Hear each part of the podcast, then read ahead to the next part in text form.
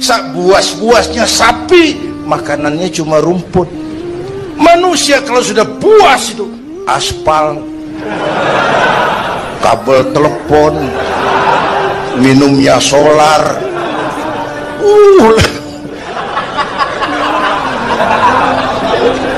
lebih puas dari dari binatang sekalipun. Agar akal bisa mengendalikan nafsu Allah menurunkan agama. Bukan menghilangkan mengendalikan mengatur. Manusia tanpa nafsu bukan manusia. Manusia nafsu melulu kebo.